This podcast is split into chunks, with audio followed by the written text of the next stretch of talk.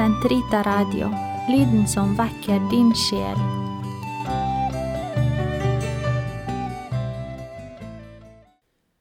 Den katolske kirkes katekisme, uke 39, torsdag 1526 til 1535. Kort sagt Og er det en som er syk, må han kalle til seg kirkens presbytere. De skal be over ham og salve ham med olje i Herrens navn.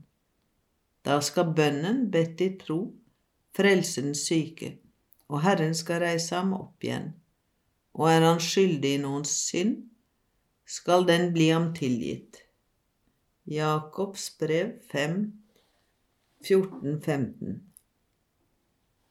Sykesalvingens sakrament har det øyemed å meddele en særlig nåde til kristne som lider under de vanskeligheter alvorlig sykdom og alderdom fører med seg.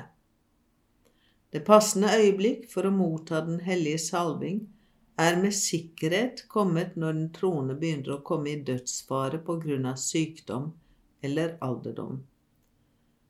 Hver gang en kristen blir alvorlig syk, kan han motta Den hellige salving, og likeledes når sykdommen forverres etter at han har mottatt den. Bare prester, presbytere og biskoper kan meddele sykesalvingens sakrament. For å meddele det benytter de seg av olje som er velsignet av biskopen, eller om nødvendig av forrettende presbyter selv. Det vesentlige i feiringen av sakramentet består i å salve den syke på panne og hender i den romerske ritus eller på andre legemsdeler i Østen. Salvingen ledsages av forrettende prests liturgiske bønn om dette sakramentets særlige nåde. Den særlige nåde sykesalvingens sakrament gir, har disse virkninger. Den syke forenes med Kristi lidelse, til beste for ham selv og for hele kirken.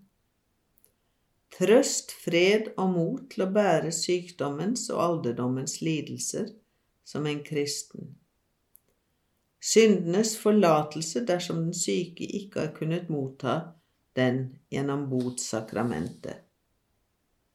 Helbredelse dersom dette er til selebot Forberedelse til overgangen til det evige liv.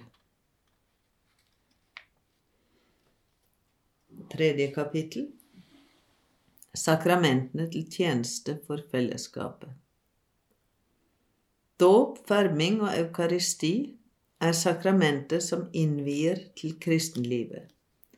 De danner grunnlaget for det kall alle Kristi disipler har felles, et kall til hellighet og en utsendelse for å forkynne evangeliet for verden. De meddeler de nådegaver som er nødvendige for å leve i pakt med Ånden i dette liv som pilegrimer på vei til det himmelske fedreland. To andre sakramenter, ordinasjonen og ekteskapet, har andres frelse for øye.